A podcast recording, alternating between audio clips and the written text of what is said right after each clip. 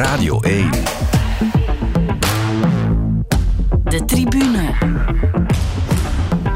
Jonathan Mettepenningen. Een hele goede avond. Het voetbal zal lang niet stoppen, maar een van de grootste vraagstukken van de laatste jaren is misschien wel opgelost. Is Lionel Messi de beste voetballer ter wereld? En misschien wel ooit. Hij heeft alleszins een wereldtitel aan zijn spectaculaire palmares toegevoegd en beantwoordt u de vraag dan vooral maar zelf.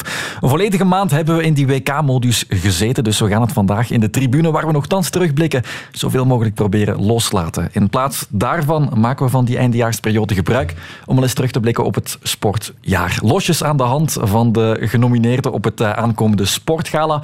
En dat doe ik vanavond met twee geroutineerde sportjournalisten, Karel Bertelen en Mark Willems. Dag Karel, dag Mark. Dag Jonathan. Goedenavond, Jonathan. ik weet dat jullie op basis van jullie expertisevelden alleszins geen voetbalmannen zijn. Hoe hebben jullie dat, of die WK-periode doorstaan, toch meegemaakt? Ik heb gekeken wanneer ik kon kijken. Uh, ben ik er speciaal voor thuis gebleven? Nee, maar gisterenmiddag heb ik mij wel even gezet, toch? Even voor Ja, ja, toch wel.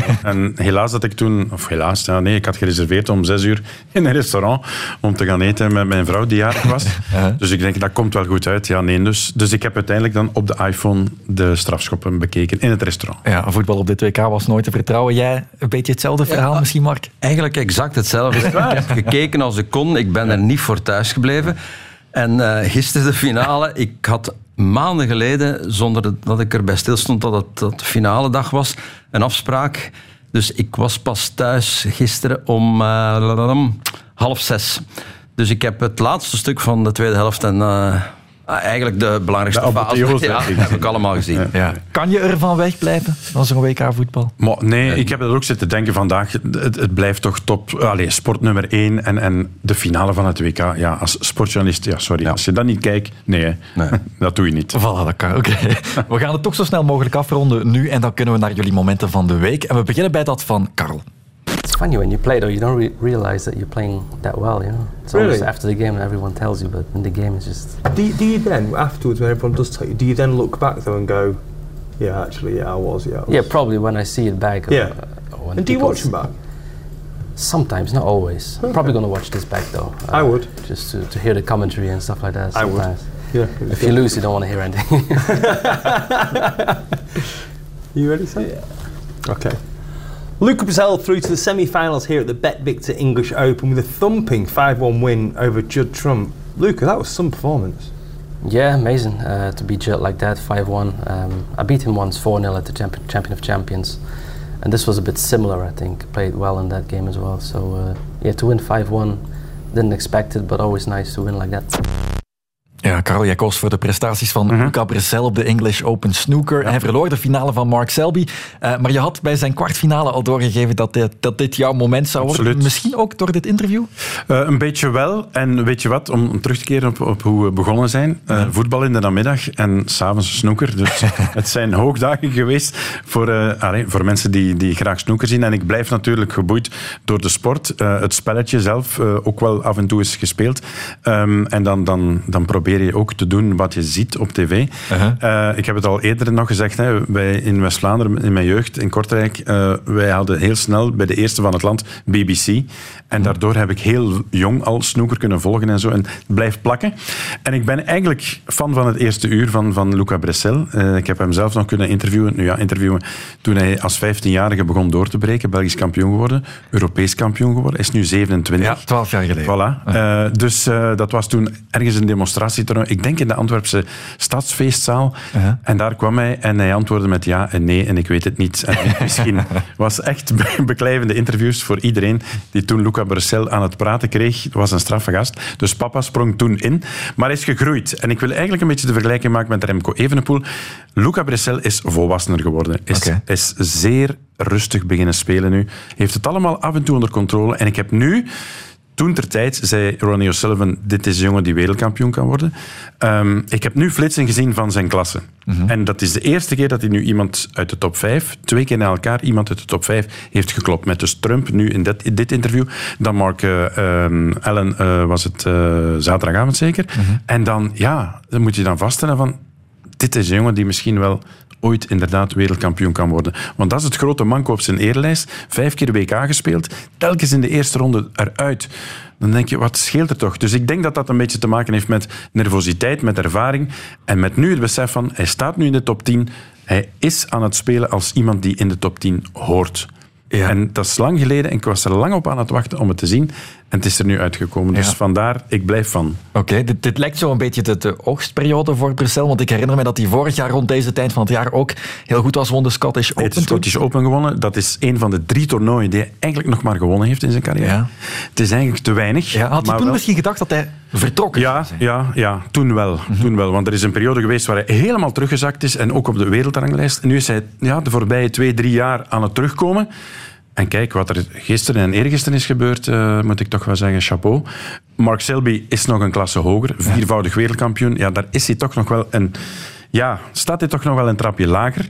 Eh, een jongen die overigens 19 maanden niet gespeeld had, Mark Selby, met mentale problemen, komt er dus wel weer bovenop. Maar heeft dan zo de klasse van dit te kunnen rechttrekken tegenover een Bressel die vrijdag en zaterdag elke kans die hem geboden werd, pakte. En daar vond ik ook vooruitgang in. Want dat was in het verleden wel eens het manco. Hij kreeg een kans en hij liet het liggen.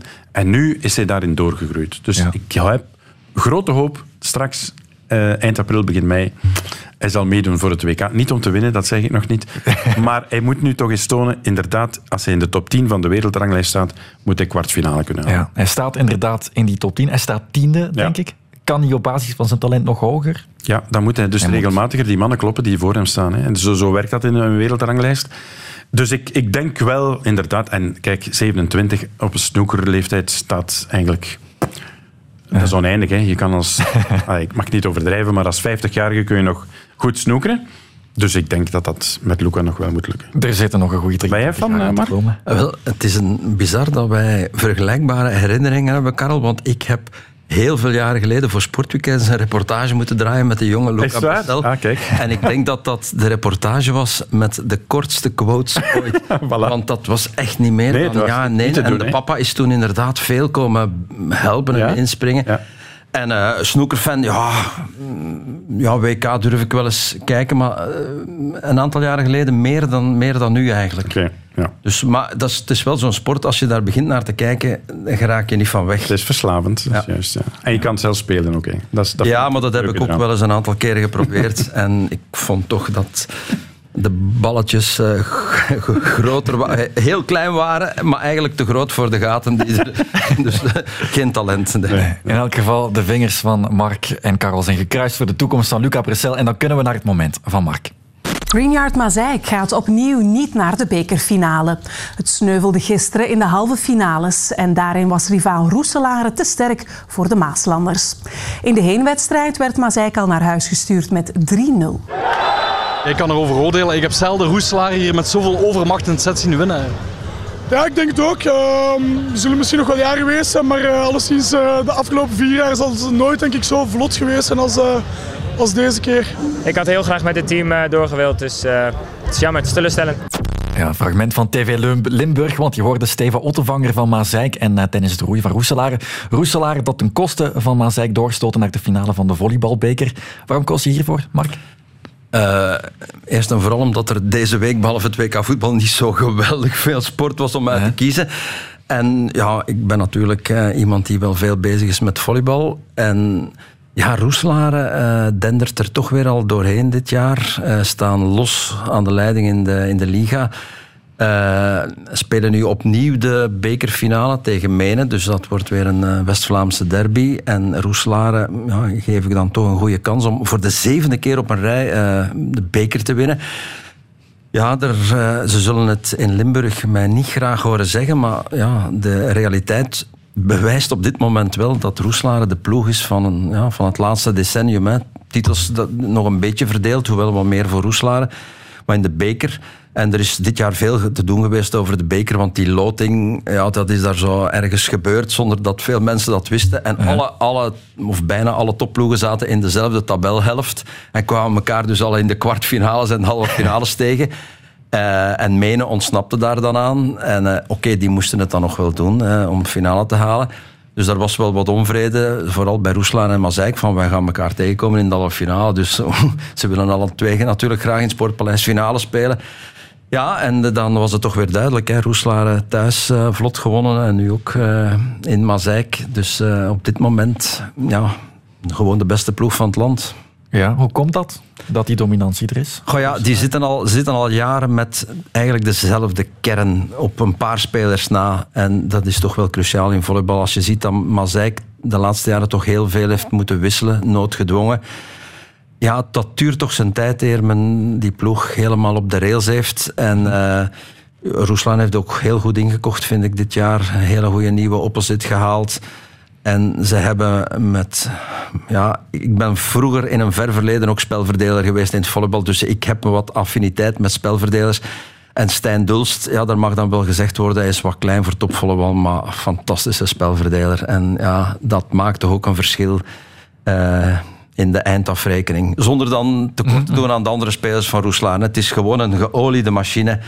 En uh, ja, uh, er zal nog veel moeten gebeuren om hen van een nieuwe titel te houden. Maar ik hoop dat het spannend wordt. Laten we hopen dat het spannend blijft. Hoe zit het internationaal eigenlijk voor Roeselaar? Is dat een ploeg die kan ja, doorbreken in de Champions League? Dat, is, dat is dit jaar misschien... eh, Dat zou kunnen de ontgoocheling worden. Want ja. uh, ze hebben uitdrukkelijk gezegd dat ze de tweede ronde wilden halen. Dus eigenlijk top 2 spelen in hun poelen.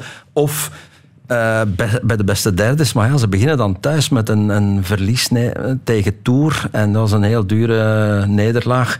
Dus uh, ze gaan in Tour moeten winnen en misschien nog tegen de Italianen wat punten pakken. Dus dat wordt heel moeilijk. En dat was wel een ambitie dit jaar om door te stoten. Dus ik hoop voor Roeslaar dat het hen nog lukt. Maar ik heb er toch een, uh, een slecht oog in. Ja, Menen speelt ook Champions League, uh, ja. dacht ik. Ja. Die hebben nog niet gewonnen, nee, dacht ik ook. Nee, nee. Waar staat Menen in verhouding met Roeselaar, om dat gewoon eens um, te kunnen tekenen? Een aantal trappen lager. Uh -huh. ja. uh, zeer slecht begonnen aan het seizoen, Menen. Echt heel slecht begonnen. Nu, een paar spelers van Menen zijn naar Roeselaar. Dat waren wel sterkhouders. Uh, en hun spelverdeler, waar niet zoveel over gepraat werd, die van vorig jaar, die is ook verdwenen. Ja, dat zijn cruciale pionnen.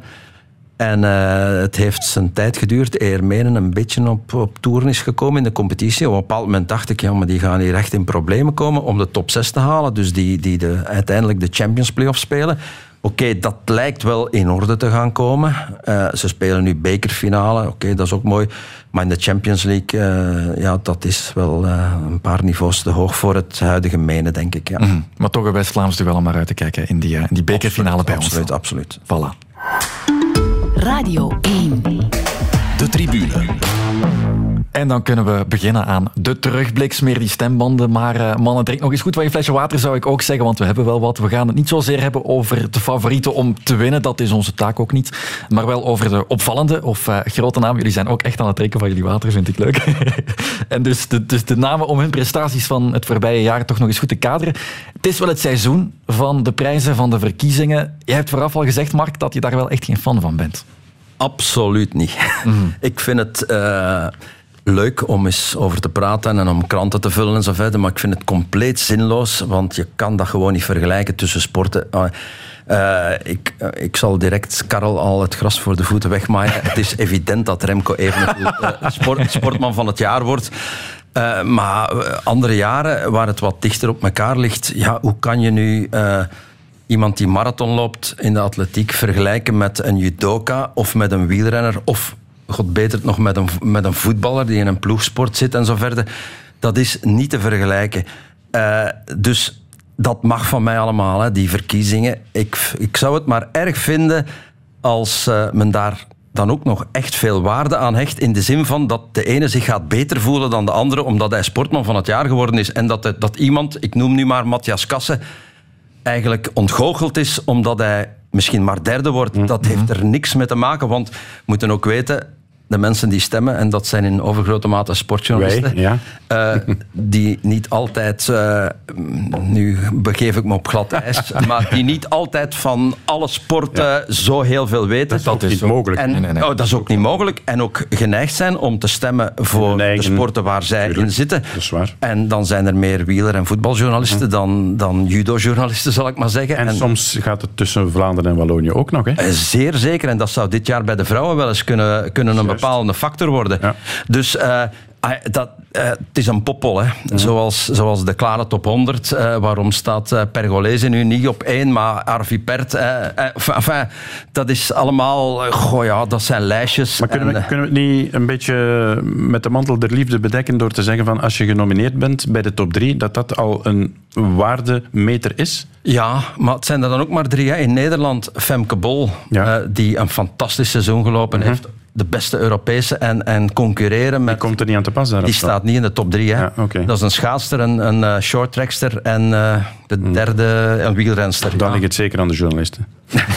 nee, nee, maar dat zijn, ook, dat zijn er ook alle drie die, die geweldig gepresteerd hebben. Maar ja. ja. dat zijn keuzes die gemaakt. En ja, laat ons daar wat over praten. Maar uiteindelijk daar toch niet zoveel belang aan hechten. Niet te veel, maar we gaan er dus toch mee moeten doen. En als bloemlezing van Belgische prestaties vandaag zal het ook wel geen kwaad kunnen.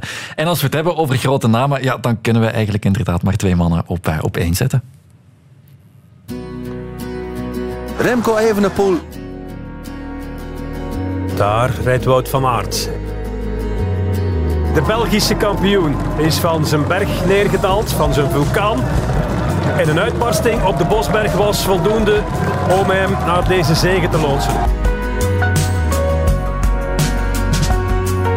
En een aanval van Remco Evenepoel die daar bijna zijn achterwiel zag wegslaan. Maar Evenepoel met een serieuze versnelling. Putain, putain, c'est vachement bien. Remco Evenepoel wint Luik, Bastenaken, Luik 2022. Daar staat hij dan. De eerste groene trui sinds Tom Bonen 2007. Het is de twintigste Belgische groene trui ooit.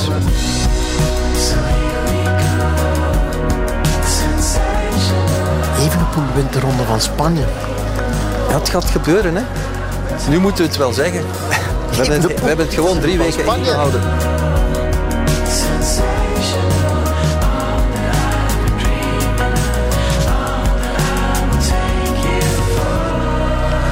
Kijk naast me en ik zie een uh, jarige zitten. Een jarige die stil wordt, die geniet en waar de waterlanders in de ogen zitten. Ja. Hij heeft Luik Bastenaken Luik gewonnen. De Classica San Sebastian, de Vuelta. En is nu ook wereldkampioen. Vingertje op de mond, wereldkampioen. Gewoon niet te doen. I won everything I could win this year. So I think a better season like this, uh, I think I will never have. Ik denk uh, dat ook heel veel jongens een koers op mij hebben afgestemd. En dat dat uh, Remco extra ruimte heeft gegeven vandaag. En ik ben blij dat ik die rol heb kunnen vervullen. En ik ben zeker als we zo blijven koersen in de toekomst dat we mooie dingen kunnen doen. Geloven we ook in, maar de terugblik op dit jaar klinkt zo. De wereldkampioen in de groene trui, de rode trui en de zilveren medaille op het WK tijdrijden. De winnaar van Luik Bastenaken-Luik en de nummer drie van Luik Bastenaken-Luik. Om dan toch maar aan te tonen dat Evenepoel er op basis van zijn verdiensten dit jaar toch een beetje bovenuit stak, Karel. Dat is juist. Ik denk dat niemand daar iets kan uh, tegen inbrengen. Hè. En wat je net zegt, kader het in. Hè? Want ik weet niet of het ooit nog gaat gebeuren. Hè? Het is waar wat Remco dus zegt. Hij heeft dat al een paar keer laten uitschijnen. Oké, al die trofeeën, hè, al die uh, zes heeft hij er nu zeker al. Dus als, als uh, Sporm van het jaar er eventueel bij komt... Allee, eventueel, voor mij spreken. Mark Willems heeft het al verklapt. um, zeven. Dus als je alles wint, ja, ga je ooit nog inderdaad zo'n jaar meemaken? Ik, ik, uh, ik weet dat niet.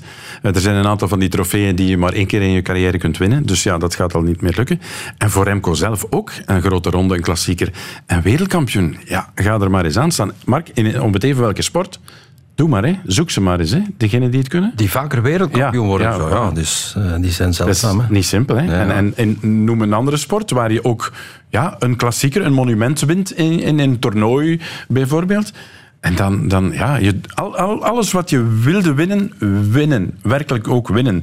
Ja, dan verdien je het ook om sportman van het jaar te zijn. Ik denk ook dat zelfs Wout van Aert daar niets tegenin kan brengen. Dat denk ik ook niet. Nu, van die drie grote dingen die ik heb opgesomd, ja. wereldkampioen worden, de, zijn eerste ro grote ronde winnen en dan ook Luik Bastenaken Luik. Ik denk dat we het op de grote ronde en het wereldkampioenschap kunnen spelen. Wat van die twee zal voor hem de meeste waarde hebben? Het wereldkampioenschap is misschien vanzelfsprekend, maar het manoeuvre waarmee dat hij wereldkampioen werd, dat kenden we ergens al van hem. Terwijl ja. En dat, Over zijn rondecapaciteit waren er wel nog wat vragen. Ja, toch een kleine opmerking over maken. Uh, um, het is waar dat Wout van Aert en Remco Evenepoel nog vaak gaan samen geselecteerd worden. Maar als we er blijven van uitgaan door te zeggen van laat Remco maar wegrijden en dan zit ik in een zetel en ik kan sprinten. Ja, sorry, maar dat is hem altijd een vrijgeleide geven om te blijven wegrijden. Hè. We moeten daarmee opletten. Hè. Want als Remco weg is, ja, dan blijft hij vaak weg. Hè. En dan zou het wel af en toe eens kunnen gebeuren dat Wout van Aert ja, een beetje achter de feiten blijft aanrijden. Dus eh, pas op daarmee met die dingen. Maar goed, als we wereldkampioen blijven worden, geen enkel probleem. Maar mag niet te vaak dezelfde zijn, want dat gaat ook niet blijven duren dan, denk ik. Hè. Mhm.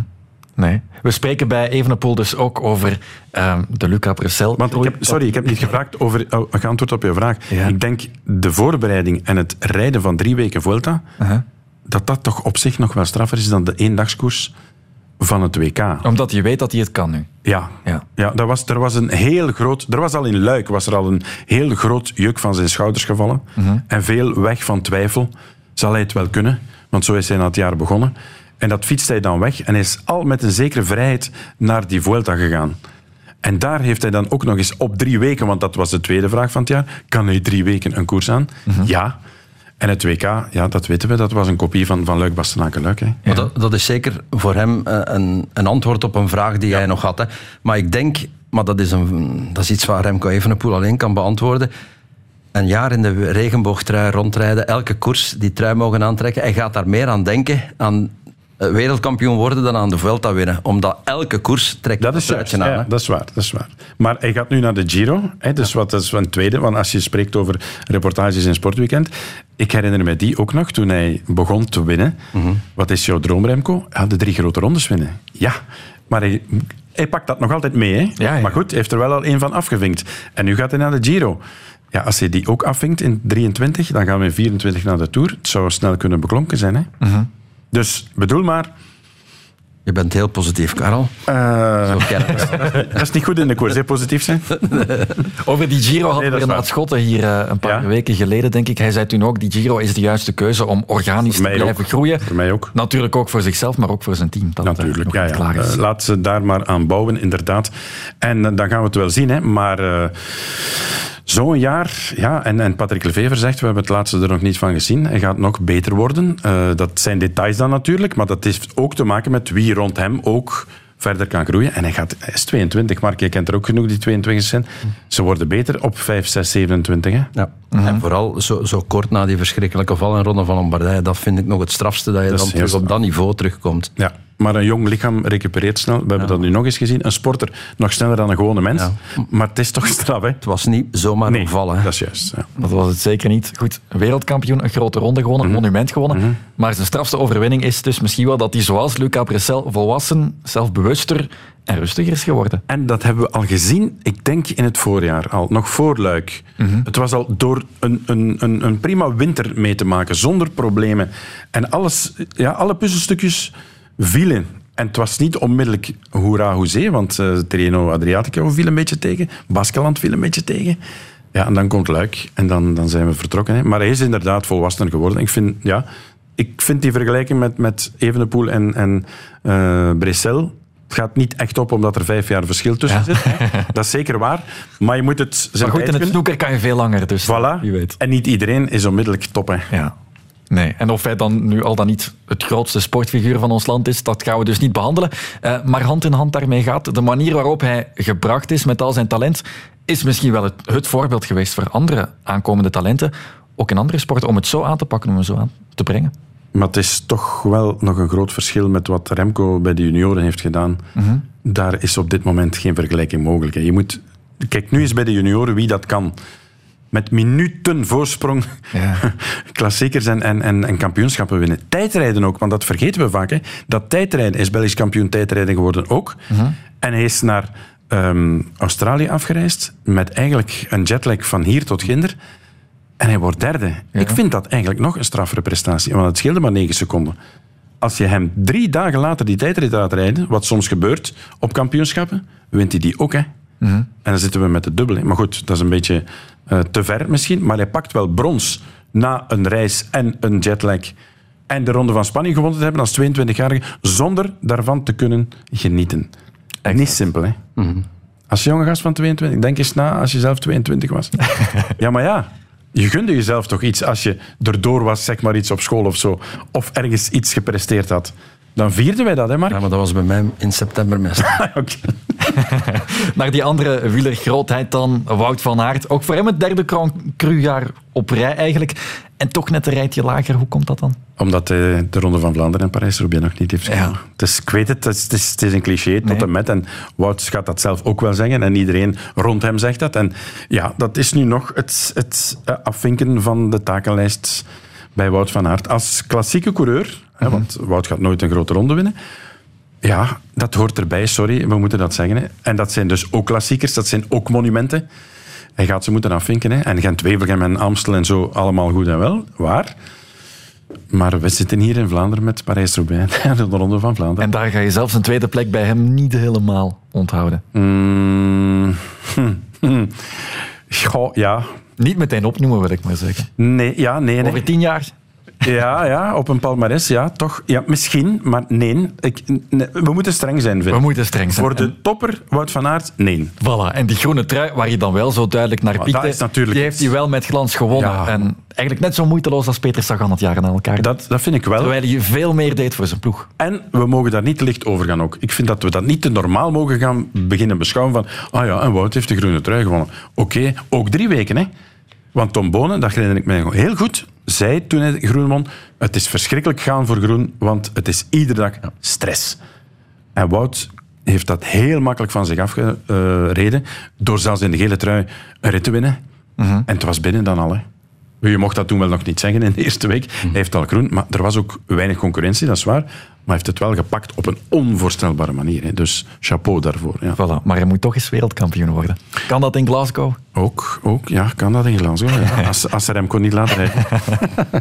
Hij heeft natuurlijk bronzen herinneringen aan Glasgow in 2018. Dat Dat is juist, ja, ik weet het. Maar het gaat toch eh, straf zijn. Eh, alle twee, de bondscoach, geen gemakkelijke taak om eh, die blijvend op een lijn te krijgen. En, en dat is waar, je gaat als bondscoach voor goud. En wie het dan is, zoals bondscoaches altijd zeggen, het doet er niet toe als het maar een Belg is. Hè. Maar de manier waarop, we gaan toch eens moeten inderdaad goed eh, bekijken. Kan je dat vooraf als bondscoach regelen? Bespreken? Gaan die mannen in de koers toch niet altijd in eerste instantie voor eigen gewin gaan? Ah ja, want Remco is naar eh, Sven gereden na 25 kilometer. Heeft hem gezegd, ik heb eh goede benen benen, vandaag. maar dat hebben ze ja, altijd, Ja, ja, maar Wout was dan toch nog een beetje... Ja. Maar ze hadden moeten meeschuiven, hè? allemaal. Hè? Als er een groep wegrijdt met Remco, sorry jongens, maar nee, meegaan. Voilà. Gewoon meegaan. Dat voor de kleine wieler terugblik op eh, 2022. De tribune.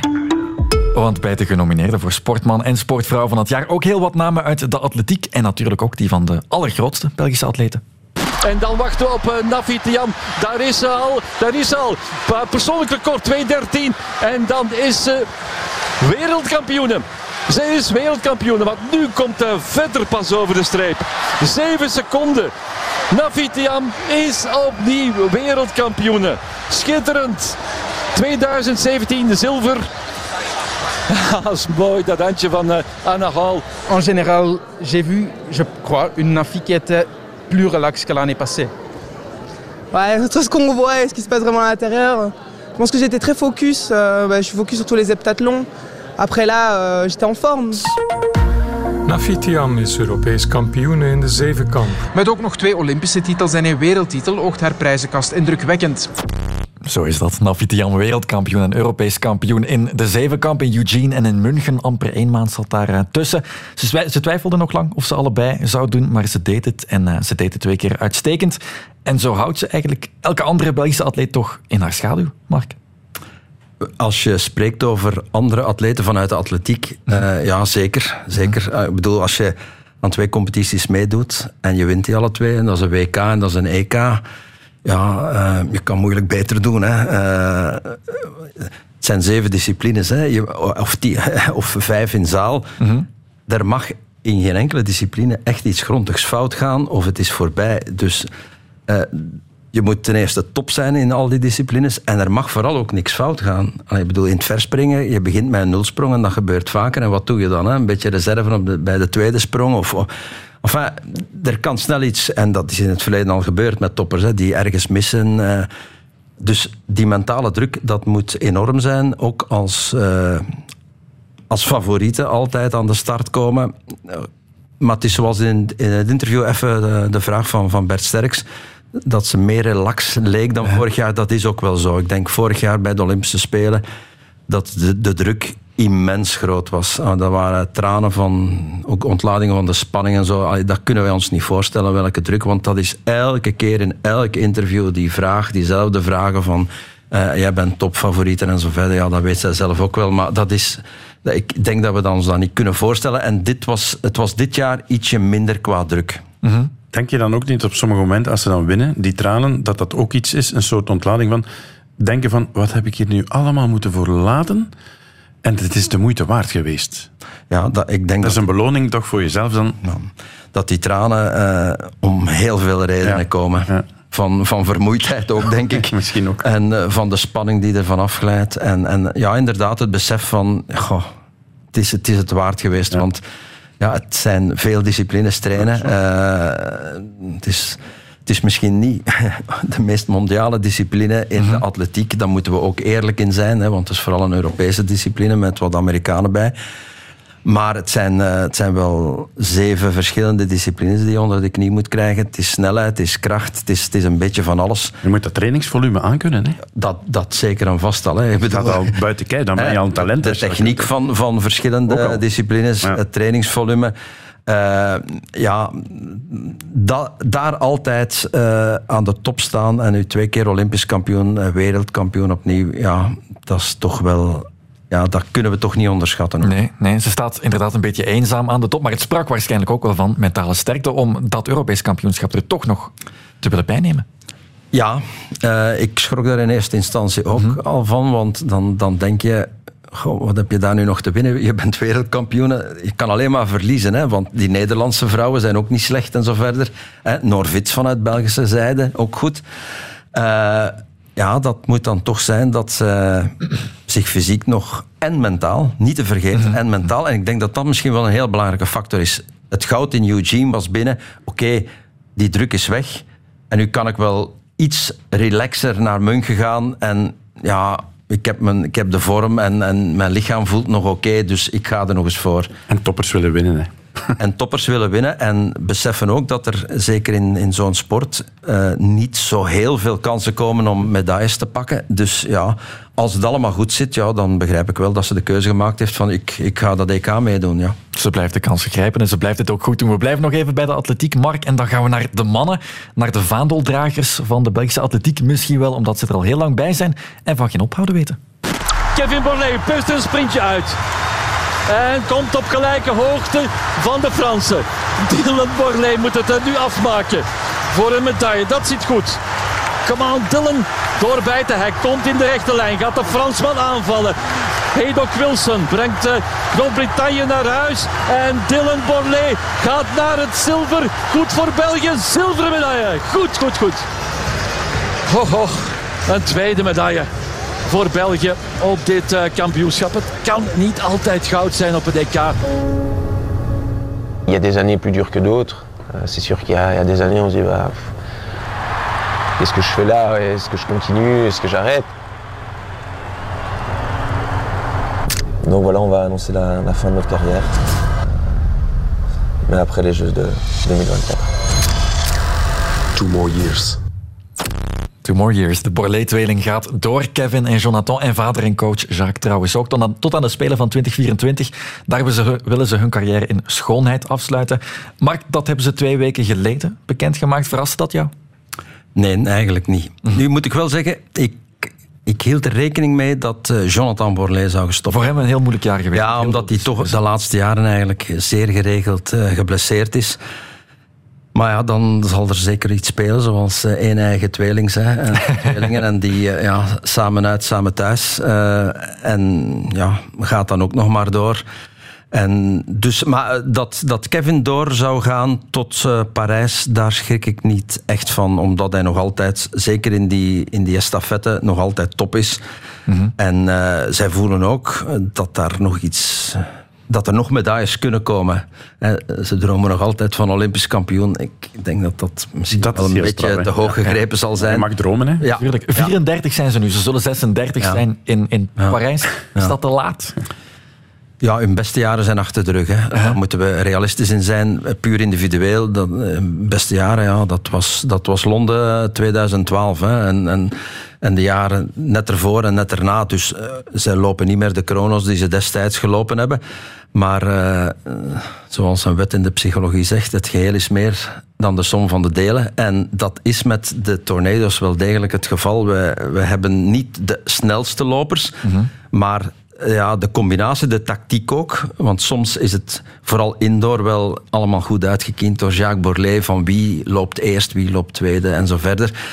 En uh, ja, als Kevin maar dat zagen we nu in München. Zijn turbo sloeg, sloeg niet, niet echt aan zoals andere jaren, omdat hij ook uh, een beetje geblesseerd was Stukkelde natuurlijk. daar wel nog stevig. En, uh, maar als slotloper is hij nog altijd top. Hè? En uh, als hij iemand nog te pakken kan krijgen, dan kan Kevin Borlée toch altijd nog iets meer. Dus zij hopen nog dat er medailles komen. Hè? En dat zal misschien nu al in Istanbul in maart zijn op het, op het EK Indoor.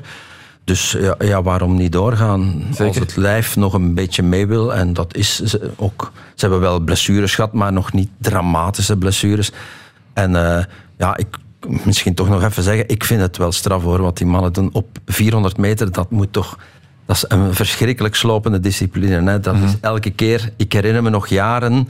Het lijkt met de jaren beter te gaan met de Borlees, maar vroeger, als die 400 meter gelopen hadden, dan stonden wij een kwartier te wachten in de mixzone vooraleer die er kwamen voor een interview. Die lagen gewoon uitgeteld minutenlang. Hè. Het melkzuur spoot overal uit hun oor. Ja. Dus dat is een verschrikkelijke discipline.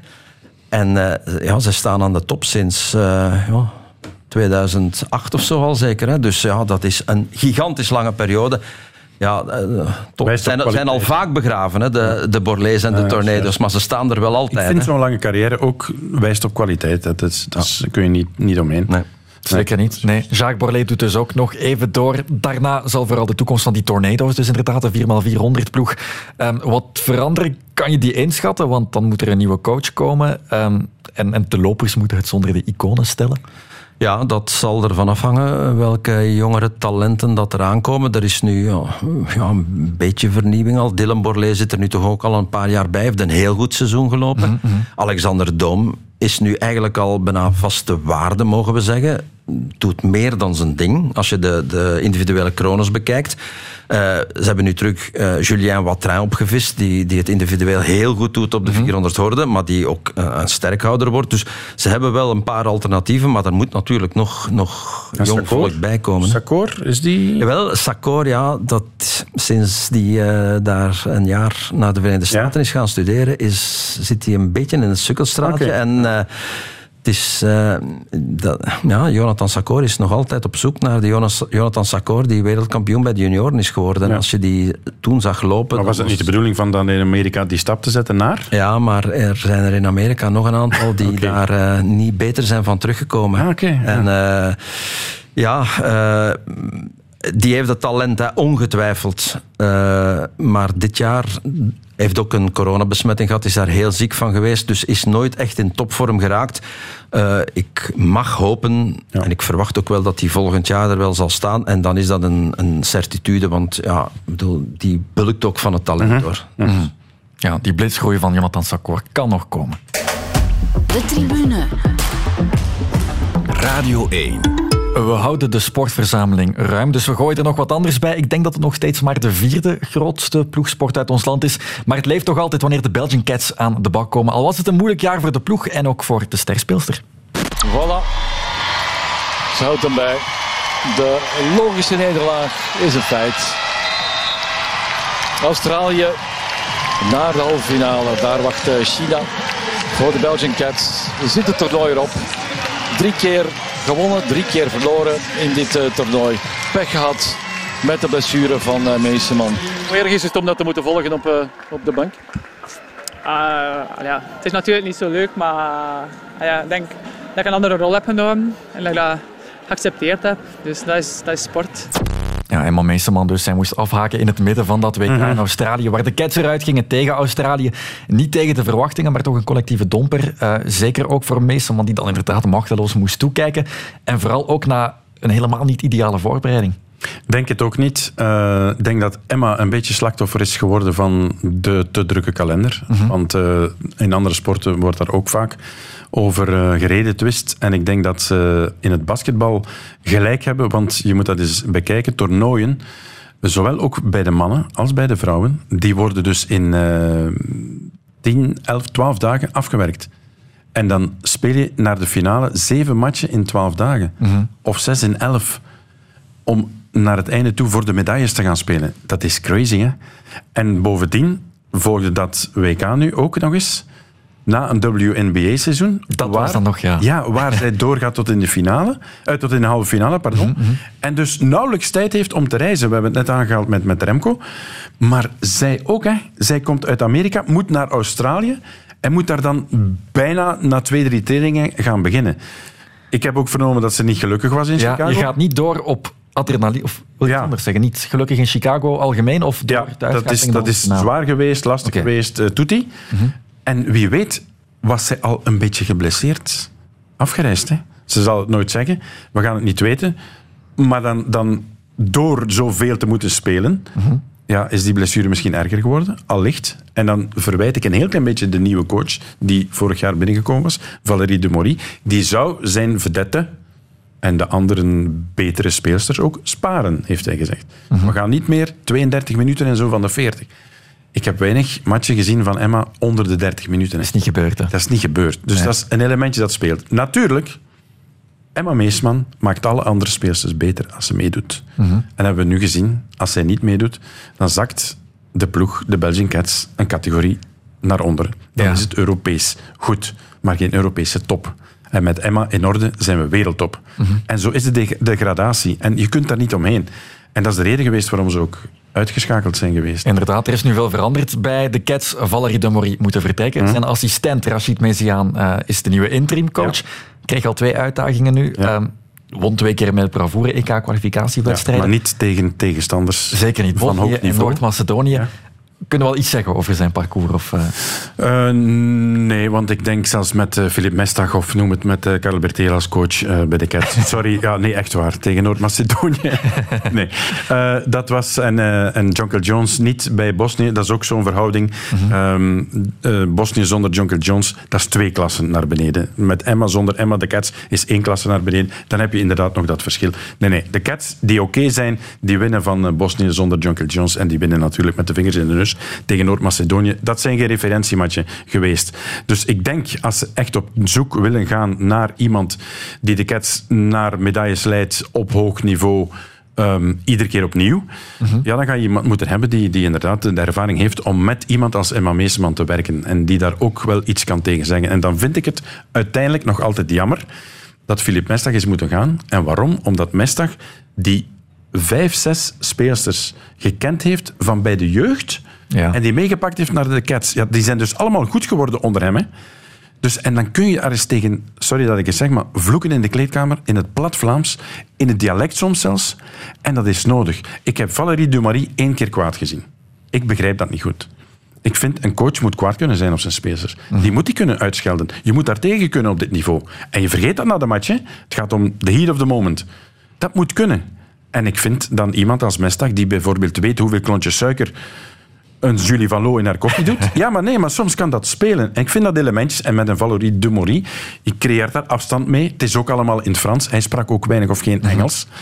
De dag van vandaag in het basketbal, sorry, dat zijn elementjes die spelen. En je hebt het gezien, na, na een jaar is, is het op. En hij kan er niets aan doen dat Meeseman geblesseerd was. En we zijn minder als Meeseman niet meespeelt. Iedereen weet dat. Maar ja, het, zijn elementjes, het is, het is een opeenstapeling ge- gecreëerd van, van alles. En ik had verwacht inderdaad, toen ze dat aankondigen, dat dit de man ging zijn. Ik kende hem niet echt goed, moet ik zeggen. eh, dat hij voor het verschil zou zorgen, inderdaad. Het is niet gebeurd, hè. Het is niet gebeurd. Nee, en... ja, ja, wat wil je vragen? Komt- nu hoe de komt dat? interimcoach. Ja. Is dat iemand die misschien toch op langere termijn zou kunnen blijven? Of, of... Is er nu een tijdje al bij bij de Ja. Ja, dat is waar. Ehm, maar dat is ook... Ja, ik, ik ken die man ook niet, dus Mhm. ik weet niet wat zijn inbreng gaat zijn. Ehm, we moeten een beetje afwachten. Maar in ieder geval moet je iemand hebben die, die, met, eh, die met Emma kan ja, weten wat... Emma, Emma is, is wel speelster van het jaar geweest in Amerika. Dat is dus het allerhoogste wat er kan bestaan. Je hebt iemand nodig die daarmee kan, kan praten. Hè. En het is een heel intelligente vrouw. Ja, je moet daar, sorry, hè, dat moet level level zijn. Hè. En, en, en af en toe moet je kunnen, denk ik, ook haar laten ontspannen en haar laten tekeningen maken, want ze kan heel goed tekenen. Laat haar eens tekenen hè, in plaats van een training te doen. En van die, ja, zijn elementjes die, denk ik, dan met Filip Mestag nog hadden gekund. En dat vind ik eigenlijk heel jammer dat Mestag daarop is afgerekend, eh, op het vorige grote toernooi. Had eigenlijk lang- langer moeten kunnen blijven, denk ik. Maar goed, we gaan het nooit weten. De volgende coach moet kunnen laten tekenen. De tribune. Dan gaan we er nog een genomineerde voorcoach van het jaar bijnemen uit een van de teamrevelaties van dit jaar, denk ik toch. En dan grijpen we terug naar een sport die eerder in deze uitzending al aan bod kwam. Ik kijk terug op een toernooi waar dat we sowieso top 10 zullen zijn in de wereld. Top 5 van Europa zullen zijn, dat is een zekerheid. Eh, waar dat we eindigen bij een positieve balans van vijf gewonnen wedstrijden tegenover vier verloren wedstrijden. En de vier wedstrijden die we verliezen zijn tegen absolute toplanden. Dus ehm, als het dan toch mag, kijk ik met een positief gevoel terug op dat toernooi. Wat absoluut niet betekent dat we nu niet even ontgoocheld zijn. Voilà, dat was Gert van den Broek, de juiste man die we wilden horen. Want de Yellow Tigers haalden dit jaar net geen kwartfinale eh, op het WK volleybal in oktober. Maar speelden bij momenten wel uitstekend. Zorgden voor verrassingen tegen Italië, tegen Brazilië. In een jonge ploeg en dus met een coach die in een mediastorm zat. Die moest verwerken, Gert van den Broek dus, Mark.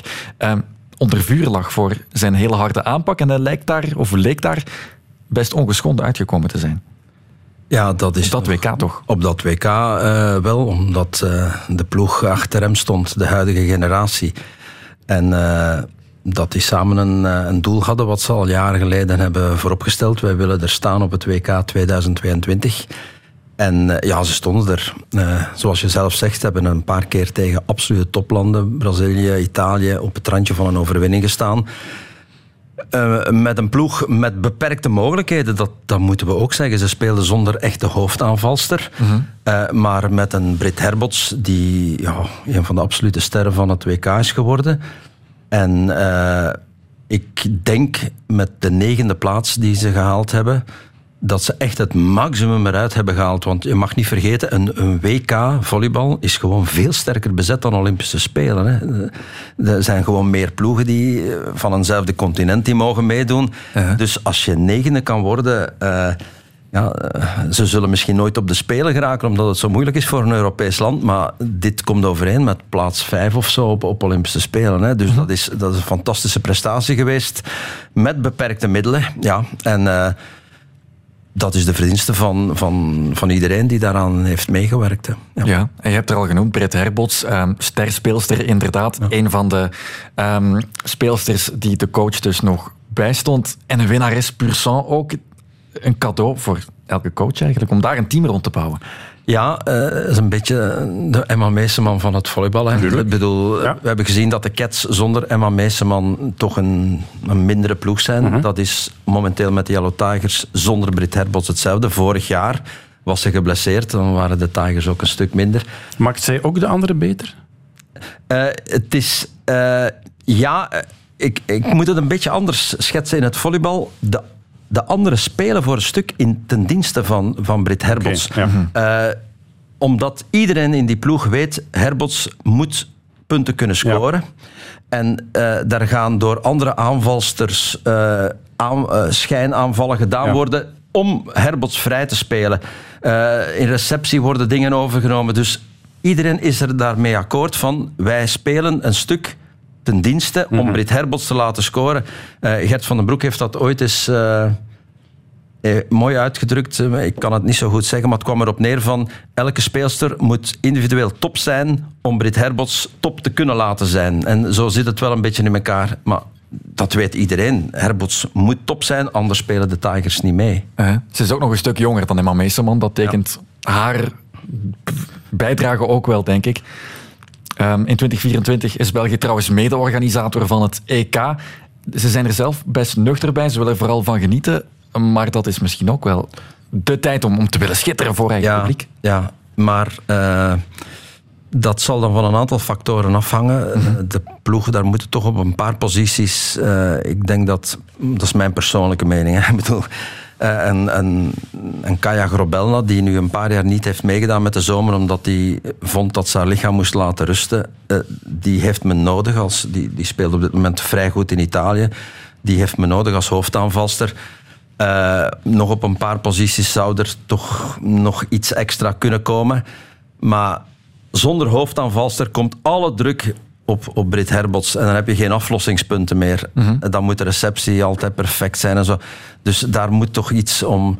En Europa is in het volleybal een gigantisch zwaar continent. Dus ja, landen Italië, eh, Turkije, Polen, Polen eh, Servië, wereldkampioen geworden. Ja, pff, ik, zie, ik zie de Belgen volgend jaar in eigen land toch nog niet snel een medaille halen hoor. Nee. Want dan krijg je ook dat fenomeen van niet te lang en te veel laten spelen, hè, Hermots? Maar Want dat is hetzelfde Karel je wat jij zegt. Die, die kalenders van het volleybal die zitten overvol.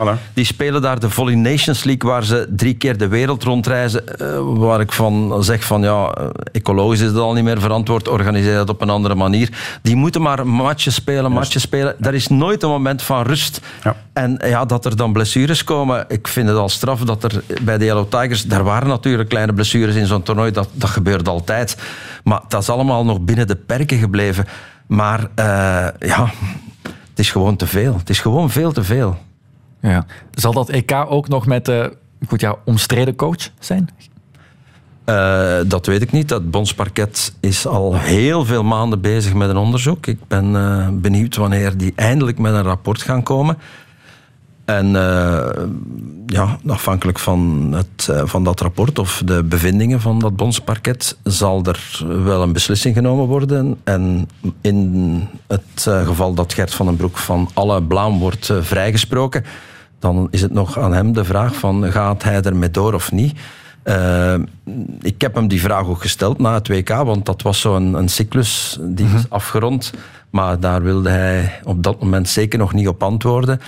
Nu, eh, ja, laat hij deze jonge groep dan tussen aanhalingstekens in de steek net voor een EK in eigen land, dat is ook moeilijk. Hij heeft daar toch eh, een, ja, een band mee en voelt zich daar ook een stuk verantwoordelijk voor. Maar dat is eh, een van de vragen waar ik eh, ook graag een antwoord zou weten, maar het niet heb. Daar gaan we op moeten wachten. Mark, jij wilde wel nog een andere naam noemen vandaag. Geen sporter, ook geen genomineerde voor eh, dat sportgala. Maar hij viel wel al in de prijzen. Op het, op het sportjuweel werd topsportversterker. Dat was de titel van zijn prijs. Ja, dat is zo een, een relatief nieuwe prijs van het Vlaams Sportjuweel.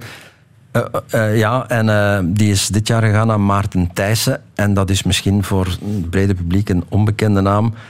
Maar dat is iemand die kine is van heel veel toppers gedurende de afgelopen twintig jaar. Ik heb hem leren kennen als kine van Kim Gevaert, maar ook later van de Borlees, van Nafitiam. Hij reist met Bart Swings de wereld rond. Eh, ik ken hem zo'n beetje. Ik ben er ook een paar keren bij langs geweest. Voor jouw blessure? Voor mijn blessure. voor mijn blessures. En eh, dat is, dat is een vakman. Eh, maar ik neem aan dat alle kinesisten dat zijn. Maar wat mij bij Maarten altijd geweldig charmeert, die is altijd vol energie en altijd zo positief. Je zou vanuit zijn praktijk recht springen om gaan sporten. ineens een buiten. Ja, ja bij, bijna. En als hij al die toppers heeft begeleid en is heel veel bezig met, met preventie van blessures en zo. Als hij al die toppers jaren begeleid heeft en in de schaduw veel uren geklopt heeft en, en zijn gezin ook heeft moeten eh, veel maanden achterlaten om de wereld rond te reizen, om die sporters te laten schitteren, want zij zijn het die schitteren, eh, dan mag zo iemand ook eens even in de bloemen gezet worden, vind ik. Eh, Voilà, en dan zijn we bijna aan het einde gekomen. Er zijn zeker namen niet aan bod gekomen ehm, die om compleet te zijn natuurlijk wel aan bod hadden moeten komen. Ik denk maar aan Nina Terwale, Vlotte Kopecky of aan Thibaut Courtois, aan Bart Swings, aan Matthias Kassen bijvoorbeeld ook. Maar goed, compleet zijn in een uurtje, dat is moeilijk, dat begrijpt u ook. Times Arrow neither stands still nor reverses, it merely marches forward. En dus zou ik jullie vragen naar jullie kerstplannen, maar die zouden ook gevuld kunnen zijn met sport, want ook daar komen we niet tot stilstand. Uh, keuze genoeg. Waar kijken jullie naar uit in de komende sportweek? Het is uh, straks vanaf 23 december, vanaf vrijdag, een heel druk veldrit. Ja. Uh, eigenlijk richting het BK. Het is drie weken eigenlijk, want het is pas op 15 uh, en 14 in dat weekend de Belgische kampioenschappen in Lokeren. -hmm. Dus ik kijk in, naar heel die periode eigenlijk uit richting het BK en dan het WK in hoogrijd. Oké, okay, wat mag het voor jou zijn, Mark? Ik kijk uit of uh, mijn aangepaste swing morgen uh, op de golfbaan een beetje rendement gaat opleveren. Succes daarmee. Voilà, genoeg om naar uit te kijken. Ik maak ook al wat reclame voor onze volgende uitzending, want komende maandag en die daarna pakken we de tribune een beetje anders aan. Dan gaan we in drie beurten op bezoek bij de sporters zelf en blikken zij ook terug op hun jaar. Dat van Ties Benoot, Nicky Evraar en Ewout Vrooman. Dat u er ook mag bij zijn. Vandaag bedank ik nog mijn gasten Carl Bertelen en Mark Willems. En aan u, de luisteraar. Tot volgende maandag.